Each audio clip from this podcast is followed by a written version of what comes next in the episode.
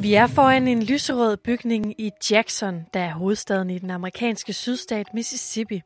Uden for bygningen der står der tre personer med farvede overtræksveste. På vesten der står der Clinic Escort. De er altså ansat til at hjælpe personer sikkert ind og ud af bygningen.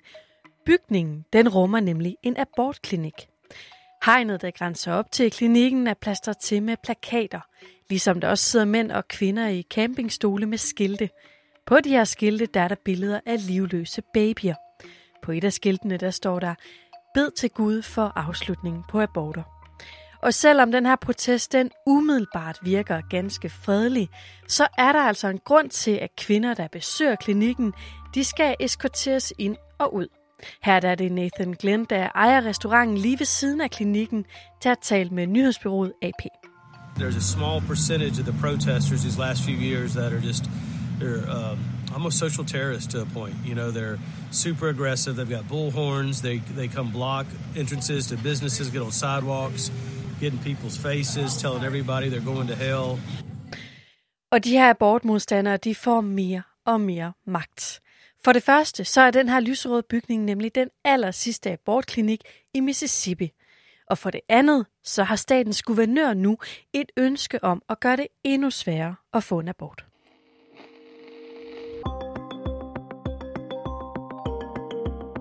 Hvor går egentlig grænsen for abort? Hvis altså abort det overhovedet skal være lovligt. De spørgsmål diskuterer amerikanerne stort set altid. Og nu har et særligt lovforslag fra Mississippi altså sat debatten på dagsordenen igen. Forslaget, der ligger op til en yderligere stramning, er nemlig noget hele vejen til højesteret. Og hvis det her bliver godkendt, så kan det give alle amerikanske delstater mulighed for selv at stramme abortlovgivningen, eller endda gøre det ulovligt.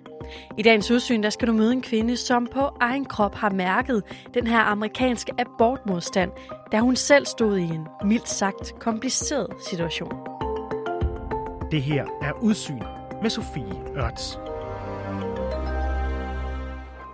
Abort er jo altid et, øh, et hit emne i USA. Men, øh, men lige nu, der er der faktisk en, øh, en reel mulighed for, at abort kan blive gjort ulovligt, i hvert fald i, øh, i nogle delstater. Og det er fordi, at øh, højesteret har besluttet øh, at tage en, øh, en særlig sag op om, øh, om mulighederne for at indskrænke øh, rettighederne til abort, som altså på længere sigt kan lede til en, øh, et, en mulighed for, for forbud mod abort i nogle delstater. Så derfor så er debatten om abort øh, lige nu øh, endnu hedere, om man så kan sige, end, end den plejer at være i USA. Honestly, it's not terribly surprising. We've been kind of preparing for this for a while. It's always kind of been a possibility. Like they've been stacking the court to be more conservative. They've been stacking courts all over the nation um, with conservative judges for the last several years now. So, you know, we've been preparing ourselves and, you know, planning and brainstorming, and, you know, it's just kind of now it's here. Okay, så her der fik du altså lige to kvinder i ørerne, som jeg vil præsentere dig for. Den faste lytter af Udsyn vil vide, at den første stemme, den tilhører Anne Alling, der er vores faste USA-korrespondent. Den anden kvinde, det er amerikaneren Beth Weil, som altså ikke er overrasket over, at en stramning på abortområdet er på tale lige nu. Det vender vi tilbage til lige om lidt. Først, Anne, prøv du lige at sætte lidt flere ord på, hvem Beth hun er. Beth Weil, hun er 26 år gammel, øh, og så bor hun i delstaten øh, Oregon på, øh, på den amerikanske vestkyst. Um, og hun arbejder for en, øh, en NGO, som hedder The Abortion Fund.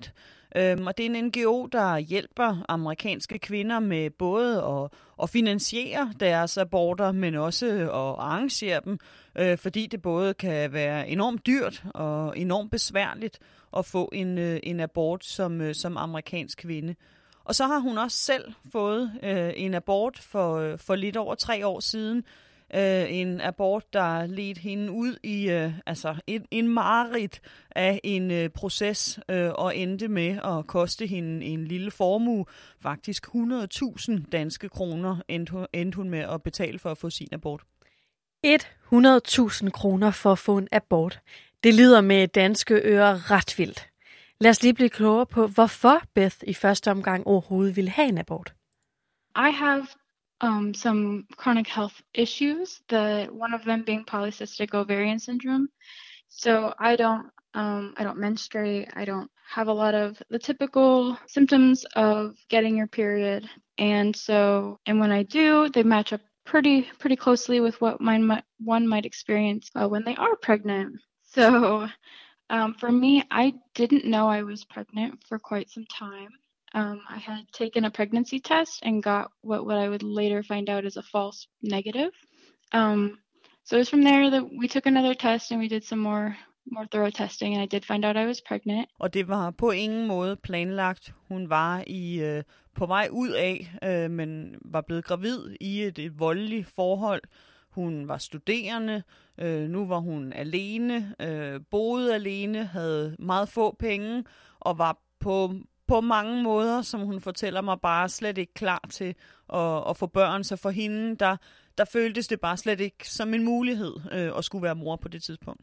Så Beth Weil hun gjorde, som rigtig mange unge amerikanske kvinder gør, når de ønsker at få en abort. Hun gik på nettet og fandt en kriseklinik for gravide, som umiddelbart lød som et sted, der kunne hjælpe hende. The one I ended up going to was right next door to a Planned Parenthood. Um, this one was just on the main street, and the Planned Parenthood was on a side street. There was just a lot of questions that were very personal and that didn't have a lot to do with um, my like my medical records or you know why I was there. Øh, hvilke opgaver udfører de her kriseklinikker for gravide, som øh, den Beth hun besøgte? Jamen, der er i, øh, i USA øh, abortklinikker. Mange kender nok øh, Planned Parenthood øh, klinikkerne, som hvor man kan gå og gå hen og få øh, få rådgivning om prævention, men altså også få en abort. Men så er der også en række klinikker, eller hvad man skal kalde dem, som, som kalder sig sådan lidt forskellige ting, men sådan pregnancy centers, crisis, crisis pregnancy centers, er der nogle af dem, der, der kalder sig. Og det er nogle øh, klinikker, som ofte ligger lige ved siden af Planned Parenthood, eller lige, lige over for øh, en abortklinik, og de giver sig ud for Øhm, altså at være klinikker, hvor man kan gå hen og få en abort. Men, øh, men det er altså noget øh, falsk reklame for mange af de her klinikker. Øh, så ligesom udad til, så siger de, at de kan hjælpe øh, gravide kvinder, som ønsker en abort, men, men det de så reelt gør, jamen, det er at prøve at overbevise kvinderne om at beholde barnet. Øh, tit så er lægerne, de er slet ikke uddannet, sygeplejerskerne er ikke uddannet, øh, men i stedet så bruger de en masse tid på ligesom at dele pjæser ud om, hvor forfærdeligt abort er, øh, viser kvinderne fosteret på ultralydsscanninger på sådan nogle store, store skærme foran dem, selvom de beder om måske slet ikke at se øh, fostret. Øhm, og så giver de også bare i det hele taget tit falsk øh, information, og altså på mange måder ligesom prøver at, at overbevise kvinderne om, at de skal beholde barnet, også fortæller dem om mulighederne for adoption. Øhm, så det er nogle klinikker, som er enormt udbredt øh, i hele USA. Og det viste sig da også, at øh, Beth på det her krisecenter fik de helt forkerte informationer. På grund af sin sygdom, så vidste hun nemlig ikke selv, hvor langt hun var i graviditeten, og derfor så fik hun personalet til at vurdere det. So they had told me that I was 16 weeks pregnant. So I went to the hospital. Um, from there, I, I got a actual diagnostic ultrasound um, where mm, the hospital let me know that I was not 16 weeks pregnant, but actually 26 weeks pregnant. Beth var altså i sin 26. graviditetsuge, og dermed så havde hun overskrevet grænsen for, hvornår hun lovligt kunne få en abort i sin hjemstat Oregon. Og derfor så var hun faktisk nødt til at søge hjælp et andet sted i USA. So instead of being able to get um, my abortion a few miles from my home, getting to sleep in my bed every night, i was referred to a clinic in Albuquerque, New Mexico, which is a little over a thousand miles away. Så hun måtte hurtigt afsted, øh, bestille flybilletter, finde et hotel, øh, tage ned for at få denne her øh, abort, som kostede, fordi at den var så sent henne i hendes graviditet, kostede mere end 10.000 dollar, altså mere end lige godt 70.000 danske kroner. Derudover jamen, så skulle hun betale hele opholdet være i New Mexico i en uge, fordi det her indgreb det, det tog længere tid. Så hun endte altså med at stå i en situation, hvor hun var på alene færd til New Mexico øh, og endte med en samlet regning på, på over 100.000 kroner. Anne, det er jo ret vildt at tænke på, at den her såkaldte kriseklinik simpelthen skød 10 uger forbi, da de skulle vurdere Beths øh, graviditet. Hvordan kan de overhovedet få lov til at operere på den her måde? Jamen, det er faktisk virkelig paradoxalt, fordi der er enormt mange restriktioner for reelle abortklinikker, altså for eksempel de her Planned Parenthood-centre, så mange regler for, hvor de skal ligge, øh, hvordan de skal se ud, hvad deres personale skal kunne. Øhm, men, men de er ligesom også officielt registreret som lægeklinikker. Øhm, kvinderne betaler øhm, for, for de behandlinger, de kommer for at få. Men det gør man ikke på de her Crisis Pregnancy Centers. De er ikke registreret som sådan officielle lægeklinikker, og de tager heller ikke betaling for, øh, altså for deres behandlinger, hvilket også er årsagen til, at rigtig mange kvinder ender på den klinik, øh, hvor det kan koste altså flere tusind kroner at få en abort, jamen så ser de de her klinikker, hvor det hele bare er gratis. Øh, så det lokker rigtig mange folk til. Øhm, og så tit, altså så den måde, de er drevet på, det er igennem donationer, for eksempel fra kirker eller andre former for, for kristne organisationer. Så på den måde, så er de ligesom øh, i virkeligheden mere sådan religiøse øh, steder eller ligesom sådan nogle organisationer. Og derfor så altså, er de ikke har de ikke forpligtelse til at leve op til, til alle de regler, en lægeklinik har, men derimod, jamen, så er de beskyttet under, øh, under ytringsfrihedsloven, og det gør, at altså, det er enormt besværligt sådan rent juridisk øh, at straffe dem for, for falsk markedsføring, og, og faktisk også ret umuligt overhovedet at gøre det muligt for dem øh, at eksistere. Er det i virkeligheden de her krisecentres agenda for kvinderne til at ombestemme sig i forhold til at få en abort? Det er det, ja. Øhm, altså de her klinikker er, altså de her pregnancy centers, de ligger tit, øh, altså deres lokaler er tit sådan lige over for en, øh, en abortklinik, men de har også tit sådan nogle altså mobile klinikker i sådan nogle store busser, øh, som de så kører ud foran øh, abortklinikker. Og det er altså tit øh, altså abortmodstandere, pro-life øh, mennesker, som de bliver kaldt i USA, som arbejder øh, på de her øh, crisis pregnancy centers, øh, og de støtter hinanden, øh, demonstranter, som står øh, og demonstrerer ude foran abortklinikker mange steder i USA. De støtter op om de her crisis pregnancy centers, så de hører i den grad øh, fuldstændig sammen. Og taler man så med de her pro-life demonstranter, ja, så vil man ret hurtigt opdage, at de har øh, ret mange argumenter imod at få en abort. Det, som, som ligesom er overordnet for de fleste af dem, jamen det er, at det tit hænger sammen med en altså med deres religiøse øh, overbevisning. Øh, jeg har mødt mange af dem gennem den seneste tid, øh, gennem de seneste år i USA, og deres argumenter øh, bygger ligesom ofte på, at det liv, som en abort øh, ender, jamen det er liv, som Gud har skabt. Det, det er tit det argument, jeg hører, at ligegyldigt hvilken situation en, en gravid kvinde står i, jamen så har hun ikke ret til at ende et liv, som, som, som Gud har skabt. Og så taler de altså også, så de taler ligesom om barnets rettigheder. At, øh, at barnet ikke har mulighed for, fostret ikke har mulighed for ligesom at tale deres egen sag. At de ligesom ikke kan forsvare sig selv. Og så er der selvfølgelig også argumentet om, at man altid kan komme til at fortryde en abort efterfølgende. Men Anne, det her det er jo ret velkendte argumenter imod abort, og også argumenter, som man indimellem har hørt i en dansk kontekst. Men herhjemme, der er abortmodstanden jo slet ikke lige så stor. Hvorfor tror du, at modstanden den vokser i USA?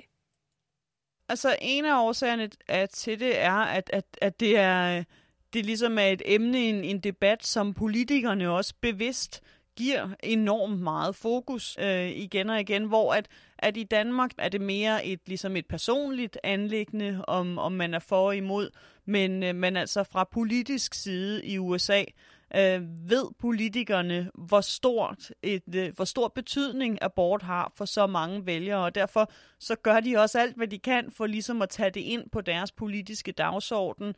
Så det er noget, som, som i meget høj grad bliver brugt som politisk værktøj af altså helt fra, fra lokalpolitikere til, til præsidenterne. We're here for a very simple reason, to defend the right of every child, born and unborn, to fulfill their God-given potential.